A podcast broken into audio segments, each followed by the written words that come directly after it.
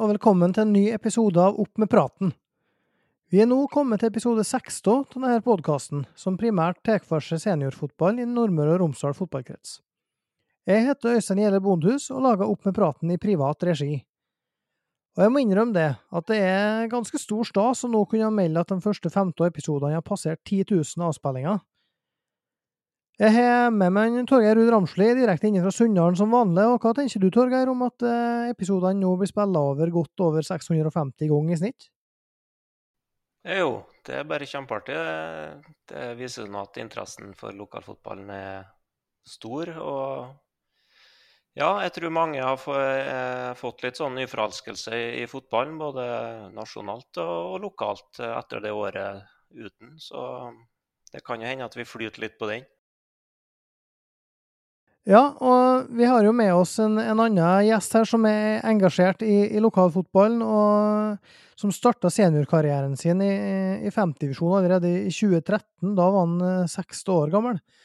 Han har markert seg som en, en, god og trygg eh, keeper for et Malmefjorden som har imponert oss stort i år. Så velkommen til det, Preben Gjerseth Lyngstad. Jo, takk for det. Kjekt å være med. Ja, hvordan var det? Kan du fortelle litt om, om det å, å, komme inn som keeper og spille i seniorfotball mot voksne mannfolk når du er bare 15-16 år gammel?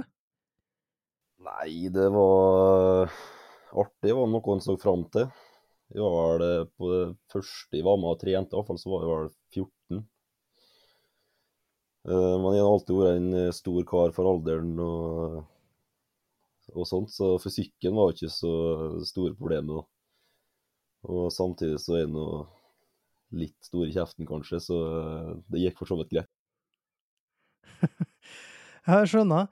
Um, så er det jo slik at uh, etter noen sesonger i, i 5. og 6. divisjon med Malmefjorden og Ekko Aurosen og forskjellige samarbeidslag der, så, så gikk du videre til, til treff i 2018.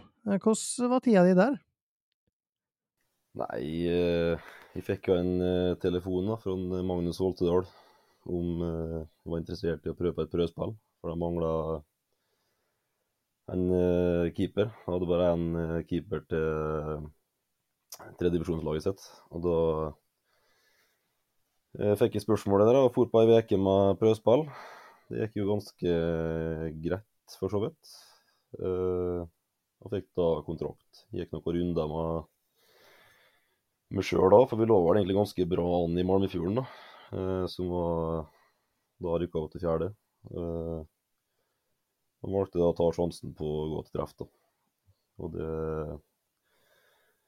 starta for så vidt greit, men eh, han ble for hard, han keeperen som var der. Hvem var det? Eh, Mikael Lie. Ja. Heter han. Stemmer. Um, vi, vi, fikk et spørsmål der uh, å treffe sin assistenttrener Thomas Larhammer, og det, der uh, kan du svare akkurat så seriøst du vil. Men der, altså, hva drakk du på benken under treningskampen Kolstad treff i 2018, lurte Thomas på. Nei, det var jo på ei uh, skal ha treningshelg i Trondheim, da. Der vi starta turen på fredag med treningskamp i Kristiansund. og ja, det er kanskje litt mer eh, benkespillere enn fikk starte og prøve seg, og så var det mer A-laget mot eh, Kolstad på lørdag. Da. Så en sikta vel sikkert til at eh, det var god form på lørdagskvelden, vil jeg tro. Så han tror kanskje at de starta litt tidlig. Jeg skjønner.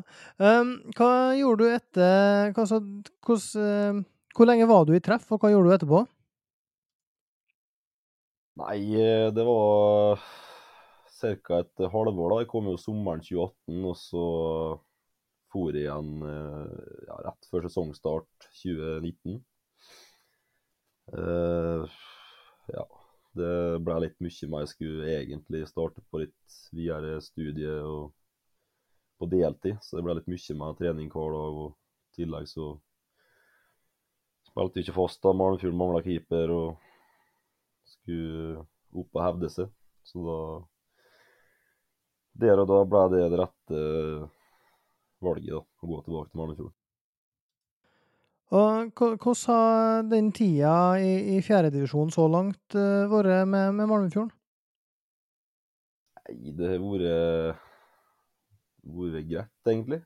Vi starta jo første sesongen, og før gikk til treff, så lå vi jo ganske høyt oppe lenge, fram til at de for, da.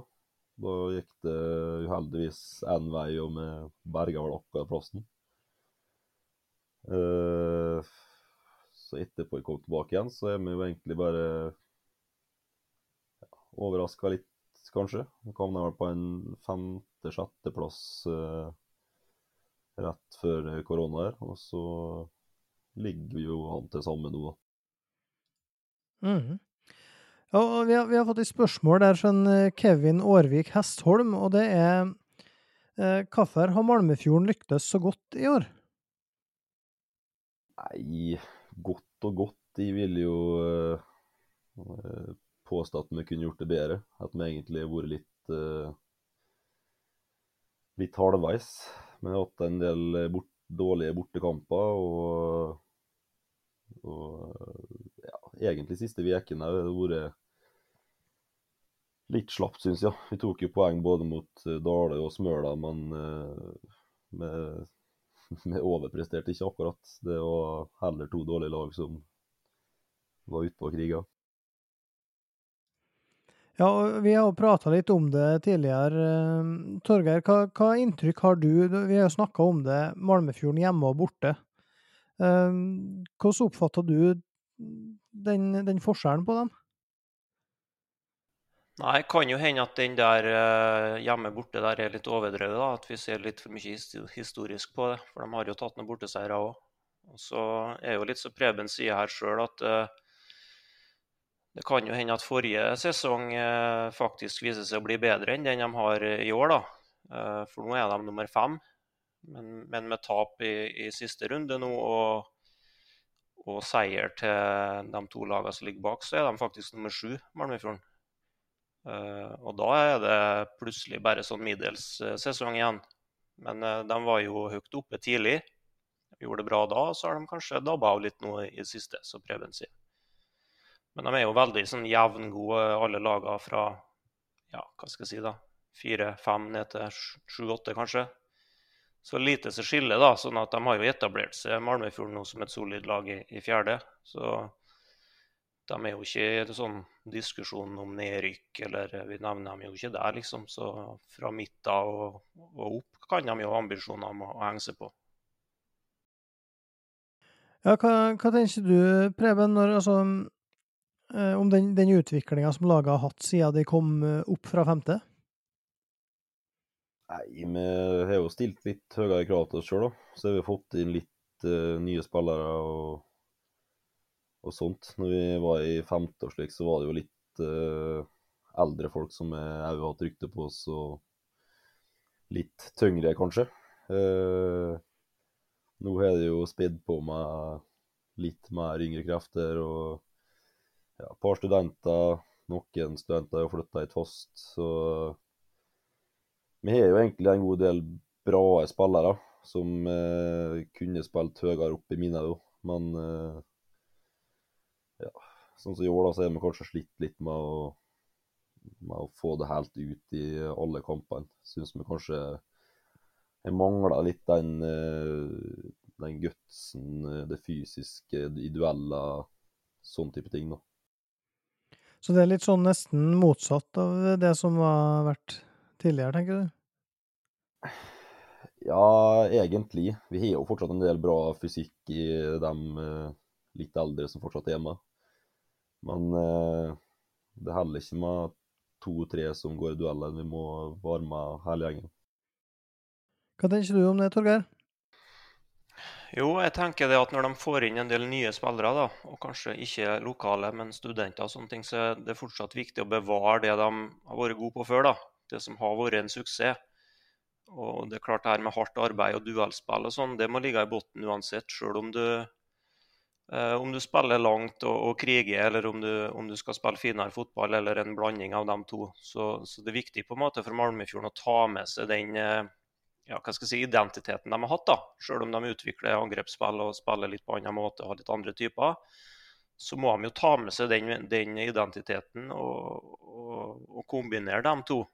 For hvis de mister den, så, så blir det trøbbel. Og det blir det for alle lag, egentlig. Så det ser vi litt sånn med utvikling med, med mange lag det som skal gå over til litt finere fotball, at uh, det kan gå ut over andre ting. Så det er viktig å dra med seg det, den gutsen òg vi har. Mm -hmm.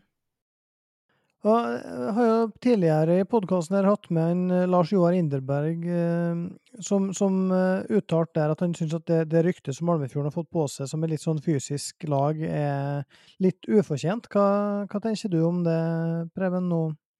Tror du det henger igjen litt?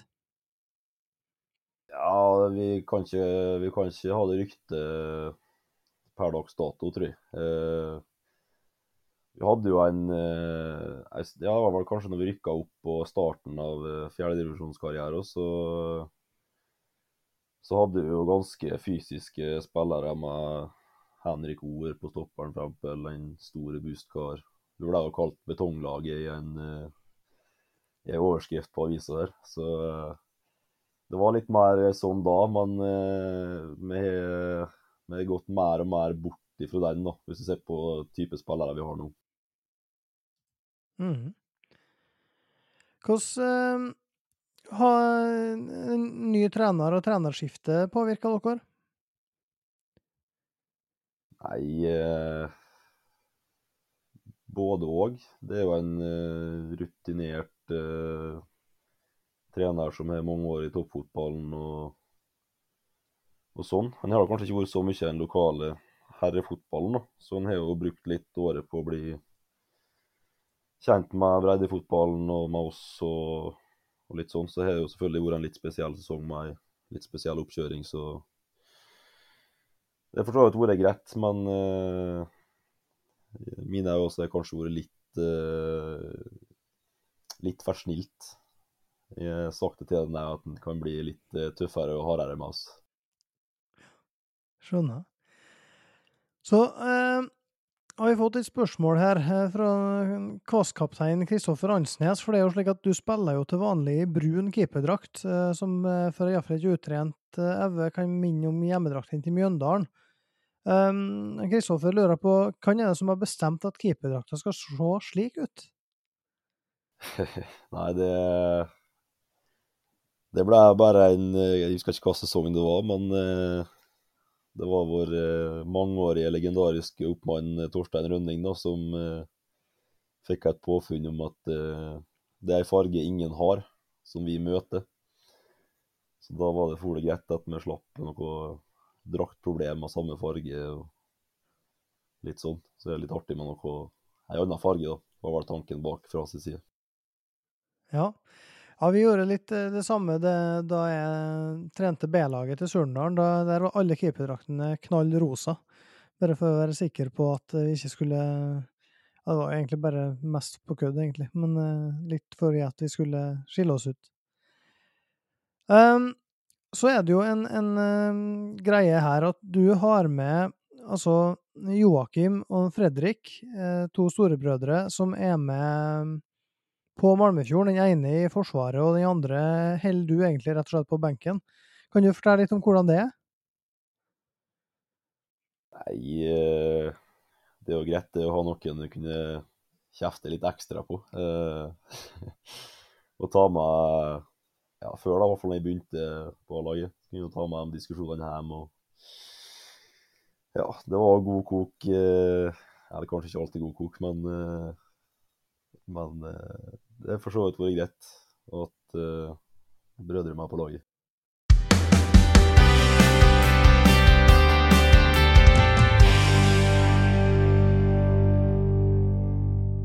Nå som vi er så heldige at vi har fått med oss en keeper, så har vi et spørsmål som vi ønsker å ta opp. Eh, for vi har fått inn fra Tom Edvard Mek, som har vært keeperansvarlig i Sunndal fotball i mange år.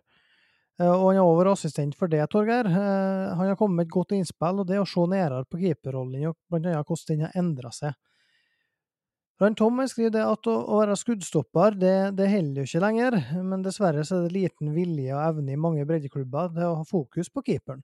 Både i barne- og ungdomsfotballen, eh, med tanke på utvikling av keeperen, og når det gjelder fokus og involvering. Hva, hva tenker du om det, hva er ditt inntrykk av det, Preben? Jeg er jo helt enig med deg at det er for lite fokus på det i, i breddeklubbene og ja, breddefotballen generelt. Så skulle det absolutt vært mer fokus på keepere med tidlig utvikling og ja, kanskje tidligere bestemmes for å bli keeper. Se hvem som kan bli god. Det kommer litt på et sent stadie, tror jeg. Fall de som jeg har sett på senior og sånn, så er jo ofte vært stilt opp i, på trening i mål og ta ballen. Ferdig med det. Ja. ja hva, når tror du en keeper for alvor bør få målretta keepertrening og spesialisering for å, for å kunne bli god? Nei, Helst så tidlig som mulig, eh, egentlig. Men eh, når du begynner å komme over en 10-12-13 år, så bør du i hvert fall begynne å spesifisere inn på rollen, da, mener jeg. Mm. Og hva, hvordan har du opplevd det gjennom din karriere med keepertrening? Nei, det har vært fryktelig lite, egentlig. Det er mye sjøllært. Og Jeg har hatt uh, da en uh, storebror som var keeper når jeg kom opp. Så vi har jo kjørt litt for, ja, vi alene i ny og ne, men uh, det har vært altfor lite. Så jeg har jo spedd på meg litt med han uh, Ørjan Nygaard, som er fysisk trener i Molde. Han er jo da nærmeste nabo til hjemplassen, så da har jo han uh, bidratt litt, for han var jo keeper ei stund sjøl. Så han har jo hatt et par sånne treninger, men det har jo absolutt vært altfor lite. Det var først i treff når jeg kom dit at jeg fikk ordentlig veiledning og keepertrening med Andreas Beinseth. Da Det ga jo mer motivasjon til å fortsette som keeper og holde på med det, da. Når du får innspill fra en som er dyktig og kan, kan rolla. Mm. Hva tenker du, Torgeir, om, om uh, altså um, Tror du det her er noe som ligger langt framme i i klubbenes bevissthet, altså forankre det her på klubbnivå for å ha en plan for å utvikle keepere? Det er sikkert litt uh, ulikt da, i forhold til hva du har av ressurser og, og økonomi og sånne ting. Altså, det er jo litt prisgitt at du har de typene kanskje i breddeklubbene. da. Uh, så har det jo historisk sett vært litt sånn sekundær rolle, jeg tenkt å si. og kanskje ikke høy nok status da, å være, være keepertrener da, i forhold til å være hovedtrener på et lag. Da, da tenker jeg ikke bare på seniornivå, men kanskje òg på junior, gutte, smågutte og sånn. Da blir det fort at de har én eller to trenere, og så er de opptatt av laget, og så blir det der litt sånn uh, i bakleksa. Uh, men sånn som i Sunndalen, altså, Tom har jo vært her i mange år, og så hadde vi jo en gammel keeperlegende før det, han Bjarne Volden, som gjorde uh, som var keeperansvarlig i mange år og var en god keepertrener. Så du er jo litt prisgitt at du har de typene. Det, altså, som keepertrener i en breddeklubb og sånn, så er det jo ikke økonomi og sånn. Det er jo ofte hovedtreneren som får. og sånt, Så ja, kanskje blir satt for lite ressurser inn i det. og vi ser jo her på Sunndal nå at det, det, er jo vanskelig. De har jo keeperansvarlig og de har jo ukentlige keepertreninger, sikkert både én og to ganger i uka. Men det, det er vanskelig å få, få med spillere og, og, som vil satse og, og bli keeper, eh, rett og slett. Så de ender ofte opp med en sånn utespiller eller noe i mål. da. Når kampene begynner, så er det på aldersbestemt. Så Nei, det, men det, det, er vrient, rett og slett, å få til gode opplegg rundt det. Ja, og hva, hvordan opplever du, Preben, at eh, keeperrollen har endra seg de siste åra? Nei, de setter jo mer og mer krav da, til en keeper nå. Eh, spesielt med føttene, kanskje. Eh, og overblikket på igangsetting av slike ting. Eh, så du får jo mer og mer oppgaver. Eh, det holder ikke bare bare være god med hand og reaksjonsredninger lenger. Du må nesten være litt uh, utespiller i tillegg. Hvordan, hva syns du om det? Hvordan passer det det? Nei, uh, i og med at jeg starta ganske tidlig så har jo jeg starta oppvokst med den uh, stille i mål og redd skudda. Ferdig med det. Men uh, det å komme seg gradvis. Uh, spesielt etter den perioden i treff, selvfølgelig. Der det ble mer fokus på det og trente litt mer på det. Så er det absolutt kommet seg i forhold til hva det var. Med, med litt mer fokus. Men det ser du hvor viktig det er å ha en, en keepertrener da, og, som kan ha litt mer fokus på de, på de tingene der. da. Både feltarbeid, alt sånt. At du er tøffere. For Det blir for det vanskelig hvis du bare skal finne fram til ting sjøl. Når du står i stasjonen. Det er ofte greit å ha folk med litt kunnskap og peiling som står borte og, og ser. Og kan gi deg litt rettledning, og ikke, ikke bare skal finne ut alt sjøl. For da blir det litt sånn middels. Ja, jeg tenker jo at akkurat det du sier der, er jo veldig viktig. Altså, det, det, en ting er jo hvis noen er, altså, er med og, og hva skal jeg si, aktivisere keeperne, men, men så det handler om kompetanse òg, det her. Altså, det, det, må jo være eh, en kompetanse og, og, kunnskap om både øvelser og keeperrollen og sånne ting som ligger i bunnen der, for at uh, keepertreninga skal ha noe for seg òg, tenker jeg. Og det, da er det jo fra krets og ut til, til klubber og, og, og, klubber å ta initiativ for å få kurs og, og lignende, som òg må Det, det, det må, må, ligge en iver på klubbnivå, tenker jeg, for å løse det. Hva, hva tenker du, Torgeir? Jo, litt i forlengelsen av det du, du sier da, i forhold til trening og øvelser, sånn, så er det jo viktig å, å få med keeperen inn, inn i treninga. da. Eh, at du, når de andre varmer opp med, med firkant eller eh, hva skal jeg si, rondo eller holder ballen i laget eller pasningsøvelser, eller er, at keeperen er med der. Og eh, i hvert fall siste årene Tom var med oss, så, så var vi veldig sånn klar på det at vi, keeperne skulle ikke varme opp for seg sjøl eller holde på med øvelser for seg sjøl. De skulle inn i lag med, med resten av laget. fordi at ja, hvis alle lag vil, nå vil jo ha en keeper som er god med beina, og, og da må han få, få, øve på det. jeg tenkte å si. Og da, da kan du ikke ha en oppmann som står og kaster på han eh, i et kvarter, 20 minutter, mens de andre har begynt med ball. Eh, så de må inn i, øvelsene, og så må du òg ha en del øvelser der keeperen faktisk får trent på det han skal gjøre i kamp. og Det, det er ikke å stå midt på banen med, med spillet rundt seg til alle kanter og orientere seg til alle kanter. Når keeperen har ballen, så har han stort sett eh, banen foran seg. Eh, så det er det han må, må trene på. Så litt sånn øvelser som er ja, hva skal jeg si, spesialdesigna for det. Det er ikke noe problem å få til, men du må være bevisst på det. Og så kan du ikke gjøre det kanskje én gang i måneden eller noe sånt, men, men du må trene på det jevnlig. Sånn at, og, og, det virker, det, det, er ikke noe tvil om. Det er ting du trener på skikkelig og med god kvalitet, det, det virker. Så det skulle egentlig vært ganske enkelt å få til. Jeg regner med de fleste lag nå har litt sånne kamplike ja, hva skal jeg si, pasningsøvelser eller to lag mot hverandre der du holder ballen i laget og keeperen eh, kanskje står på endene og sånne ting. Så eh, det er ikke noe hokus pokus, men du må ha fokus på det. Hva tenker du om det, Preben?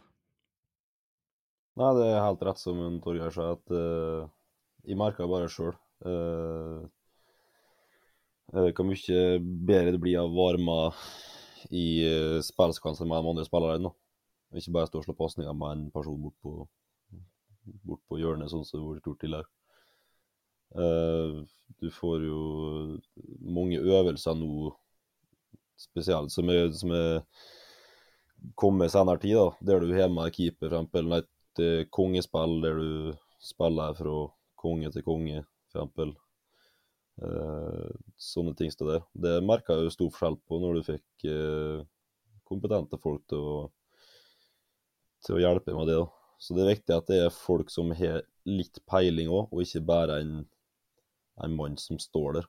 Eh, for han som skal lære det, han må kanskje ha erfart og litt sånn sjøl òg. Vi har hatt nok til trenere som bare ja, kommer med innspill og meninger, og så jeg liksom ikke helt i hop. De, de vet ikke helt hvordan det er å stå i mål.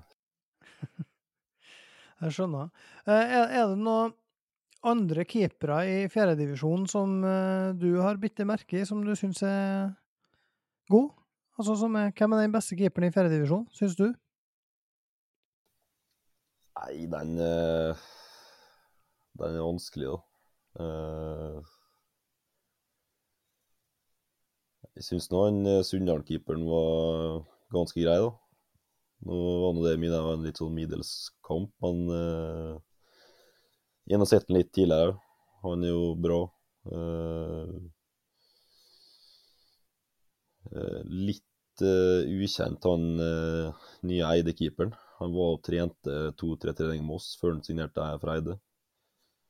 Virka som en bra keeper, det òg. litt liten kanskje, men han har jo bevist at han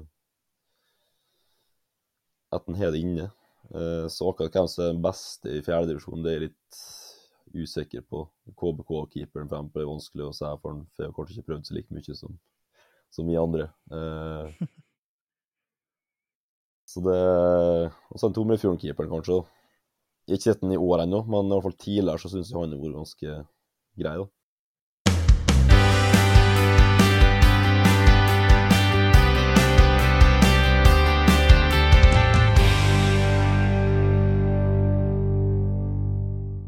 Ja, i fjerdedivisjon så var det nest siste serierunde nå i helga som var. Der fikk vi følgende resultat. Det var Misund Smøla 1-1. Det var Vestnes Varfjell Åndalsnes 0-3. Surndalen Dale 3-3.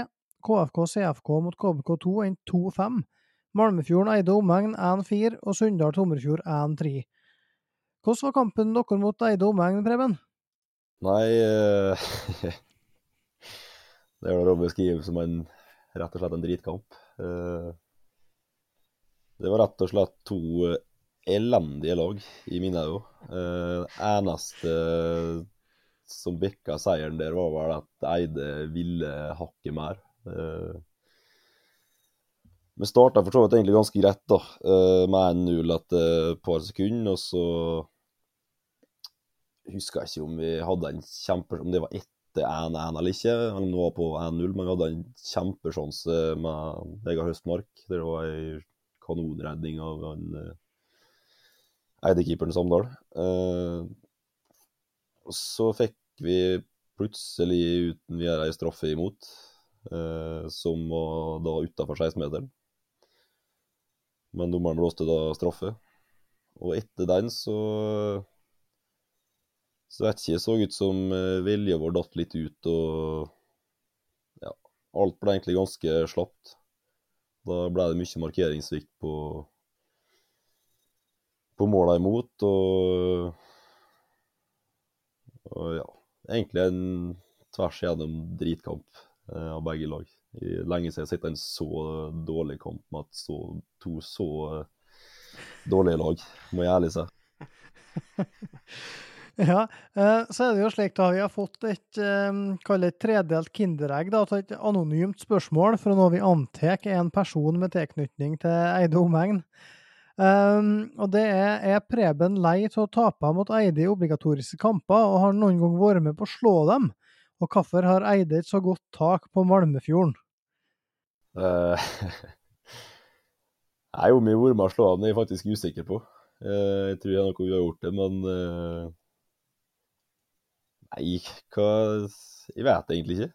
Det virker så I hvert fall siste åra så er det ikke like mange lokale spillere lenger, da. Det er ikke sikkert det betyr like hardt for alle, jeg vet ikke. Det kan nesten virke litt slik. Og så er det jo Nei, det har vært et bra lag, dem, så lenge vi har vært i fjerde. I fjor har vi jo kjempa med opprykk og og sånt, da. Så Nei. I, hva et overtak, det er vanskelig å si. Du skal ta dem neste år, da? Ja, vi må, må gå for det, da. Jeg blir jo som oftest lyn forbanna når jeg taper mot dem. Det laga jo ei straffe i frustrasjon på overtid og gikk vel så seg rett i bilen og kjørte hjem. Hadde du noen reaksjon på den straffen da, som var utafor feltet, eller? Ja Var du rolig? Ja, overraskende i forhold til den i Sunndalen, så Så var jeg vel det, da. For jeg, jeg, fikk liksom ikke helt med meg hva som skjedde, annet enn at uh, situasjonen skjedde utafor 16, for jeg så streken. Uh, ellers så var det tre-fire spillere i ei lita sånn klynge, så har egentlig ikke så fryktelig mye annet enn å si at den var utafor. Det var nok andre spillere som flokka seg opp. Ja, og når det, når det gjelder uh, Surndalen sin kamp mot Dale, eller Dale sin kamp mot Surndalen, alt ettersom, så, så så jeg den, og der bar det jo litt preg av at det er to lag som ikke har all verden å spille for, rett og slett. Det Surndalen har mest ball, og Dale var, var farlig de gangene de angrep, og det var ganske ofte, spesielt i første omgang. Um, de skåra på kjempekontring, men Jonas Frøner spilte fri enn Tobias Larsen Lysø, som spiller kamp nummer to eller noe sånt for året for han, og han var sjølsagt god. Så ja, utligna han Vegard Brøske på en dødball der Dale mener det er offside. og Der ble det spurt av Dale og utfordra på det om å, si om det var offside eller ikke. Og det er klart at det, det er jo litt sånn skummelt å bli litt sånn Arsen Wenger og si at jeg ikke så det, men eh, jeg sto på 16-meterstreken cirka ved det målet der målet ble skåra. Og det, det, kommer jo etter at uh, den gode keeperen til Dala, Bjørnar Husby, som sto en kjempekamp, han slo ballen i en Viljar Fiske Kvando i tverrliggeren, og så skåra Vegard Brøske på returen. Og jeg må innrømme at jeg er fælt med på den duellen der en Viljar Kvande og en, og en Husby er, og ser at han Husby slår ballen i en eh, Viljar og i tverrliggeren og ned. Men hvor er Vegard Brøske starta fra i det ballen der blir slått, det, det tør jeg ikke å si. For at uh, der uh, Så jeg, jeg velger jo da å, å la han uh, La tvilen komme assistentdommer til gode der, da. Det er klart, det er kanskje ikke noe bombe på syltørene at jeg gjør det, men, men jeg, har ikke noe bedre svar til det. Men det er ikke noe tvil om at ballen kommer fra en Surnadal-spiller. Uh, Sander Smevold skåra to nye mål. Det er noe, ikke noe nytt der. Uh, veldig målfarlig i år òg. Uh, Auden Boks Asp fikk et kjempetreff og skåra det Dale beskrev som årets mål på Syltørene.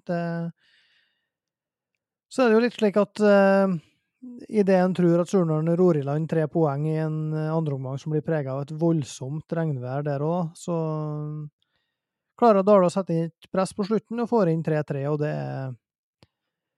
ja, det hadde ikke vært noe sagt på om Surnadal vant 3-2, og det er ikke så mye å si på, syns jeg, at det blir en uavgjort der heller. Surnadal kunne avgjort det, men Dale de var bedre enn jeg har sett dem på, på en stund, syns jeg. Og det, det, er klart, når de stiller en angrepstrio der uh, To av dem er en eh, Emil Sira Sivertsen og, en, en Tobias Larsen Lysø. Og de har en Frøner på midten. og de har, altså det, det var et, eh, et Dale-lag fullt av gode enkeltspillere, som vi har nevnt tidligere òg. Mm, Orstrand var med, og det var mye, mye bra spillere. Så hvis de får satt det sammen skikkelig, så skal jeg ikke tippe dem på topp neste år, det skal mye til. Men uh, iallfall uh, at de får en bedre sesong enn i år. Hvordan var Sunndal Tomrefjord, Torgeir? Uh, jo, for så vidt en jevn kamp, det. Men uh, jeg syns at Tomrefjord fortjener å vinne, da. Uh, det skal jeg prøve å begrunne. nå det jo, var det jo et ufyselig vær oppå der òg. på ei kjølig våt grasmatte og, og vind. Som, og Tomrefjord hadde medvind i første omgang. og Går ut og vil benytte seg av den og sette Sunndalen under press. Så 10-15 første minutter så har Tomrefjord et klart overtak. Eh, og får da òg en goal på Dessverre på en stor keepertabbe, da, men uh, skårer jo, utnytter den. Uh, så legger de seg litt bakpå. Uh, nesten helt til det har gått uh, ja, 60 minutter før Sunndalen skaper noe. har ikke én målsjanse Sunndalen før uh, sjølmålet til Tomrefjord etter 63 minutter. Tomrefjord skaper heller ingenting, så det er ganske dødt og lite som skjer. Uh, og så uh, er Sunndalen god i ti minutter. Uh, er to ganger alene med keeper. Litt tilfeldigheter kanskje, når midtstoppere altså sklir og sånn. Og det, det sjølmålet er jo òg heller ikke en målsjanse. men de greier ikke å utnytte den gode perioden sin i de ti minuttene. Og så gir de vekk to mål igjen, Sunndalen. Så de gir egentlig vekk tre mål. Med store individuelle feil eh, som Tomrefjord utnytter. Og Tomrefjord utnytter feilene som Sunndalen gjør, men Sunndalen utnytter ikke feilene som Tomrefjord gjør. og Derfor syns jeg de vinner fortjent. Eh, og Så varsla jeg vel at jeg skulle skryte litt av Tomrefjord eh, i denne episoden her. Men det blir ikke av for noe sånn blindende angrepsspill. Men det blir for at de er kjølgode bakover, og det ser vi på tabellen. De har sluppet inn åtte mål. De har bare 14 pluss. De har skåra 22 mål. Det er like mange som Sunndalen. Både Surndalen og KBK har skåra over 40, tror jeg. De har 30 plussmål begge to, men sluppet inn mer. Tomrefjord har nå vunnet borte mot Surndalen, de har vunnet borte mot Sunndalen. De slo KBK2 hjemme. Så de er veldig solide bakover, veldig disiplinert, spiller voksent, spiller kynisk når de må det. Sunndalen har litt overganger som de stopper med vilje. Eh, dommeren straffer dem jo selvfølgelig ikke, da, så de, de kan jo fortsette eh, uten å få kort. Men, eh, men spiller veldig voksent og kommer til å vinne serien pga. det, og at de er best bakover og spiller disiplinert på sine styrker. Og, og, og det holder. Jeg har vært litt i kontakt med Kristian eh, Onstad som er trener, og han var klar eh, til meg at han, når det var en såpass kort sesong og han var ny, og sånn, så ville han bygge laget bakfra. Og Det, det syns jeg er fornuftig med den spillestallen han har. Han kunne på en måte kasta alt framover og brukt en Hildre på en kant og kanskje spilt offensivt 4-3-3 og sånn, men ganske fornuftig av en ny trener med såpass kort sesong og, og, bygge laget bakfra. og det, det, kommer de til å vinne serien på, tror jeg. Hvis ikke Preben stenger buret totalt nå neste helg. ja, for det, det, er jo et, et poeng vi må, må, ta her. Altså, Preben, hvis du holder nullen du, nå i helga, så er jo KBK2 bare en seier over Surnadalen hjemme på å gå forbi og, og vinne serien. Hva, hva ser du for deg at den kampen borte mot Tomrefjorden i helga blir? Nei, Den blir tøff, tror jeg. Eh, vi går selvfølgelig for å vinne, for vi må jo sikre en eh, NM-kvalik. Eh, som kan eh, faktisk ryke. Eh, så vi kommer til å gå hardt ut for, eh, for seier. og så må vi prøve å få opp den tenninga som vi har mangla det siste. Mangler jo dessverre et par eh, sentrale spillere som har vært borte noen kamper. og Sånn som Lars Joar og Erlend Holmen, Sinde Julbø. Men da er det andre som må steppe opp og, og vise hva vi lager til. Eh, det kommer til å bli en tøff kamp. Eh, om vi holder nullen, det er jeg for usikker på. Jeg tror det kommer til å bli mye er kanskje ikke mye mål, men eh, det kommer til å bli to eh, angripende lag, tror jeg. Ja, Hva forventer du av den kampen, Torgeir? Nei, jeg forventer jo det at uh, Tomrefjord går ut og setter litt press på Malmefjorden. Prøver å få sin en tidlig goal og, og, mure igjen, sånn som de har gjort. Og så ta dem på overganger. Uh,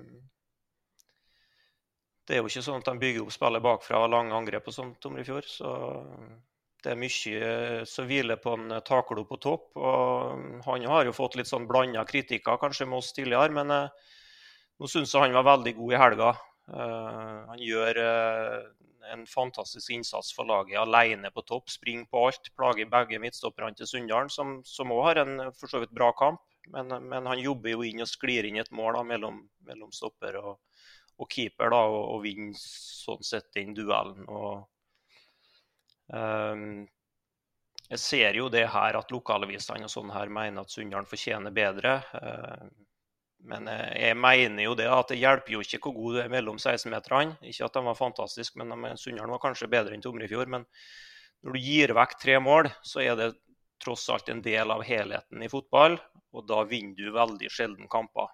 Sånn at uh, du er òg en del av laget. De som gjør tabbene, er òg en del av laget, for å si det sånn. Og da, da er fotballen sånn at det handler om, eh, handler om å unngå å gjøre feil i fotball òg. Og så handler det om å utnytte feilene til motstanderen, og ikke, ikke lage dem sjøl. Så ja, jeg tror nok eh, Tomrefjord går ut og spiller trygt sånn mot Malmefjord nå. Kommer ikke til å ta noen store sjanser. Så at de tar vare på det de, det de kommer til å få.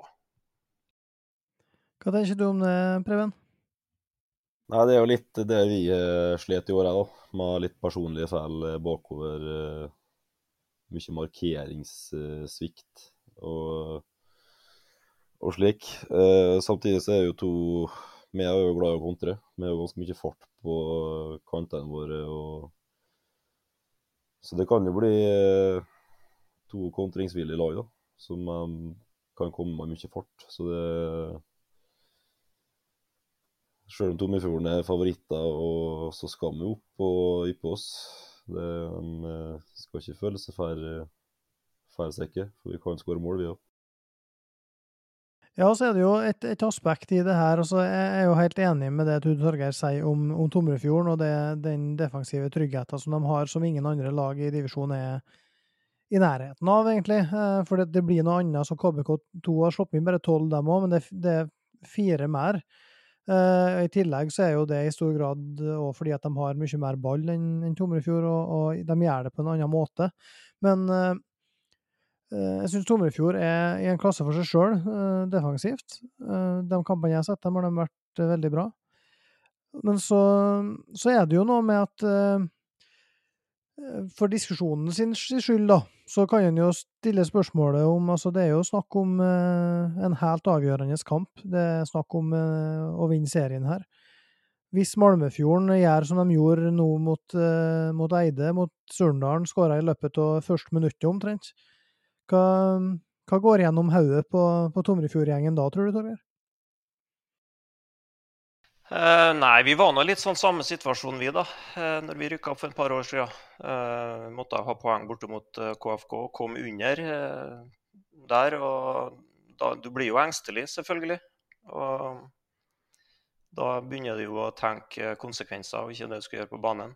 det er jo litt sånn klisjé og floskler, det her, da, men det er nå en gang sånn det er.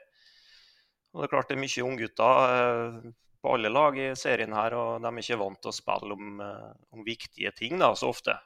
Eh, sånn sett, så at det vil snike seg inn nå da, er jo, eh, er jo helt sikkert. Og det er klart, Malmefjorden er jo litt sånn lumsk, ekkel motstander. Det kan være i en sånn kamp. Det, møter de et, et fysisk veikt, ungt lag som de kanskje kan rulle over. Så jeg tror kanskje Malmefjorden kan stå opp litt, da eh, mot Tomrefjorden og, og, og, matche dem litt.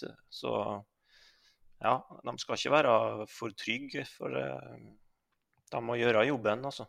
Så, men jeg, jeg, tror det går, da. Jeg tror det går for Tomrefjord. Jeg tror kanskje, litt ut ifra det Preben sier, at kanskje Malmefjorden er litt sånn ferdigspilt, da. Eh, så ja. Jeg tror det kommer til å holde for, for Tomrefjorden. Ja, det er jo litt interessant, syns jeg. Og, altså, det er jo to år siden det nå, men sist den kampen der å spille, så vant Malmefjorden 5-2. Um, men da skåra jo både Sindre Julbø, som du nevner her, og, og Lars Joar Inderberg, blant annet. Så, så, det er klart at uh, uh, at det er mulig å, å slå Tomrefjorden borte, det, det, er det. Men det er jo ingen som har klart å slå dem i år. Og de har jo vist en, en uh, evne til å komme tilbake. De har vist en evne til å, hvis de tar ledelsen, så er de jo bortimot håpløse å bryne seg på. Så det, det, er en soliditet der som, som er ja, både Nonstad og, og, resten av gjengen der skal ha en voldsomt uh, til kred for. Altså, for det er jo det vi har sett konturene av egentlig i mange år med Tomrefjorden, og så, så er, det, er det enda et steg opp i år, da. Men hva Nå er det altså KBK2 har Surndalen hjemme. Én ehm, ting er jo den kampen, men hvis det ikke blir opprykk på KBK2 i år, da eh, Det er jo en kvalik uansett som skal spilles etterpå, så hvis Tomrefjorden vinner, så samme hvem som vinner, så møter de Sunnmørsvinneren som ser ut til å bli herd. Og da Hva i alle dager har det KBK2-laget der å gjøre i fjerdedivisjon neste år, når andreårsjuniorene deres blir tredjeårsjuniorer, Torgeir? Uh, ja Nei, det blir nok hva KBK uh, eh, har tenkt å gjøre, det, da. Uh, de har tenkt å, å, ha samme linja som de har i år. Det kan jo hende at en del av dem som blir tredjeårs nå, går til andre klubber. Det kan jo hende. enten på utlån, eller noen skal studere, eller noen ikke blir satsa på, eller noe sånt. hvis de skal kjøre den samme linja. Og så jeg tror og håper at divisjon, nivået i divisjonen blir bedre neste år. Når, når, flere lag har fått trent, spilt mye treningskamper og, og det blir mer normalisert, så jeg er jo ikke så sikker på at KBK-laget der kommer til å være så ja, Det blir jo ikke rett å si suverent, for de leder jo ikke serien og ligger jo ikke an til å rykke opp. Så det går an å matche dem eh, for mange lag neste år. Sunndalen tok poeng mot dem hjemme, og, og de tapte borte mot Tomrefjord. Så, men det er klart det er ikke noen bra utviklingsarena for dem som har tenkt seg opp i en eliteseriestall, og i hvert fall spille der og sånn. Så for dem som har spilt litt nå, sånn som en Williamsen og Sivertsen, og sånn, som er litt sånn i vannskorpa til å komme inn i A-laget, og sånn, så er det jo ikke noe særlig å spille fjerdedivisjon. Og Det er vel grunnen til at de spiller litt i fjerdedivisjon nå, for jeg tipper det at, uh, at Mikkelsen mener at de har bedre utbytte av å rett og slett trene med A-laget enn, enn, å spille fjerdedivisjonskamp. Ja, og der er det jo et poeng òg i en eventuell Hvis det nå blir sånn at KBK2 får spille opprykkskvalik, så er det jo, må de jo ha spilt fire kamper, de som skal spille kvaliken. Og det Per i dag så står både Oskar Sivertsen og han, eh, eh, nye som de henta Lagos, eh, med, med, tre. Så jeg vil tro at de er med mot Surndalen i helga. og da det betyr jo at det vil bli stort sett det samme laget som vi har sett i serien nå, som òg vil spille opprykkskvalik, da. Så det kommer ikke til å bli masse, masse A-spillere der, i så fall. Hvordan ser det ut for Malmefjorden sin del framover mot neste sesong, Preben?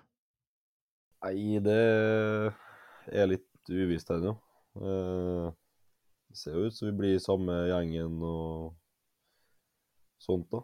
Trener er fortsatt usikkert, for han har kontrakt i ett år bare, så det må både klubb og trener snakke litt og høre hva han vil. Uh, men jeg regner med at de er keen på å få en uh, full, skikkelig sesong på prøve si. Så får vi håpe at vi klarer å kanskje spe på med litt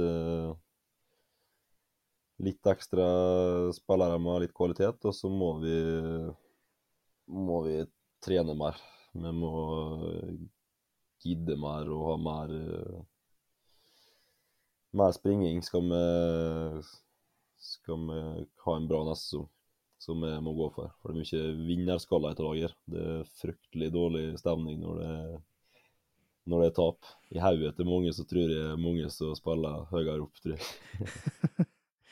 jeg skjønner. Uh, hvis en ser på bunn, altså bunnstriden her nå, så var det jo litt sånn eh, Vi snakka om at uh, det var Dale og Nei, Smøla og Eide som, som, lå i bunnen der, men så slo jo Eide Malmefjorden nå sist. Og da er de plutselig oppe på sju poeng og kan med seier i siste kamp uh, gå forbi både Misund og Ja, faktisk både Misund, KFK, CFK og Vestnes Varfjell. Nå er det jo ikke sikkert uansett at den nest siste plassen der gir uh, gir eh, nedrykk. Det er jo sannsynligvis gjør den ikke det. Men uh, Eide hjemme mot KFK og CFK, Torgeir, hva tror du om den kampen? Tror du de tar de tre poengene som de trenger? Ja, det tror jeg faktisk. Når de vant såpass mye nå borte mot Malmöfjorden, Selv om de var et elendig lag, da, ifølge Preben. jeg tror ikke jeg mener det sjøl, etter å vinne 4-1 på bortebane. Men så tror jeg kanskje de har fått den driven de trenger nå til å, til å ta KFK. Og KFK ser jo rimelig eh, ferdigkjørt ut, dem, da. Eh, så jeg tipper nå at Eide tar KFK og kommer seg opp på ti poeng. Og da eh, er det fort Misund som havner nederst, for de har vel igjen eh, Åndalsnes borte. Åndalsnes borte, ja. Så det tror jeg blir tøft. Så da blir det Misund eller KFK, men eh, sannsynligvis så berger de jo, da, som du sier. For jeg, jeg tror ikke det kommer noe lag ned fra, fra, tredje, nei. Nei, for sannsynligvis så klarer det Molde 2 det er snakk om der, og i så fall, og, og sannsynligvis så vil de klare seg i, i divisjonen sjøl om de ikke tar flere poeng. Men uh, slår de Volda hjemme i, i helga, så er det iallfall avgjort. Ja, Torgeir? Ja, nei, eh, Siden vi var litt inn på tredje her nå, så må vi nesten nevne hvordan det går med Peter og Treff. da. Veldig imponert. Nå leder de jo serien. og så de jo nå mot Molde 2, og nok en gang så slår de jo eh, Molde 2 da treff. Til og med etter å ha kommet under 2-0. Uh, og da syns jo jeg som er litt sånn uh, ja, romantisk og litt sånn kyniker kan være av og til, da, at uh, det er artig å se at det virker med andre virkemiddel. For han tar jo ut Gjør jo tre bytter på en gang der, han, Petter, og setter inn Lobos, da, blant annet. En gammel lokalfotballegende som var meget god når han kom inn, forresten. Jeg var med og snudde kampen sammen med en Maktar Tione, som ja, jeg vet ikke om han er 38 eller 40 nå, men går langt utapå resten når han kommer inn, syns jeg. Snur kampen helt, og du ser de får trua på det treffet. Begynner å slå langt, og Lobos vinner lufta, og Haga vinner lufta, og Kjørsvik vinner lufta, og, og blir kaos, og, og snur den kampen. Så rett og slett med sånn eldgamle virkemidler og begynner å slå langt, så virker det. Og blir fullt kaos i Molde sitt forsvar. Så Treff kan jo faktisk vinne tredjedivisjon nå. Og, og andrelaget kan vinne femte. Så det er en formidabel jobb som er gjort der, så langt i alle fall. Ja, det er det ikke noe tvil om. Eh, og så må bare gi kred, som du sier, til Petter og, og teamet der. Kjempe, kjempegodt jobba. Eh, når det gjelder femtedivisjon, da, så er det jo AK som leder serien i skrivende stund, men, eller skrivende, si, eh, når vi spiller inn her. um, og da er det I realiteten så står det mellom Treff 2 og Elnesvågen, for de er ikke, de er ikke ferdig spilt. Treff 2 møter Isfjorden Åndalsnes 2, og Elnesvågen eh, møter Gossen, som Treff slo 19-0. Og der skiller det et hav av målforskjell, så det betyr at eh, Elnesvågen må, må, ta igjen. De, de, må opp i sånn eh, minst 19-0, tror jeg, for å, å ta igjen eh, Elnesvågen. Tror du det er noe Nei, treff. Tror du det er noe håp for det, Torgeir? Nei, det tror jeg ikke. Jeg tror ikke det. Nå vant de vel bare 2-1 mot, uh, mot studentene, det? Eller var det Molde 3? Molde 3. Ja, så Nei, jeg ser ikke noe realisme i det, egentlig.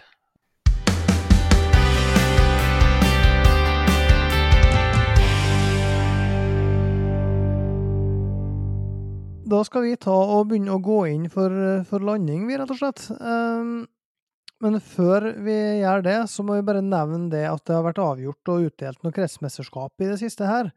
Um, I tredjedivisjon for kvinner så var det seriefinale nå i helga mellom Surnadal, Søya, Todalen og KBK. Og Den kampen endte 2-2, og det betyr at det var Surnadal, Søya, Todalen som nå skal møte eh, Blindheim fra Sunnmøre i to oppgjør eh, om opprykk til andredivisjon.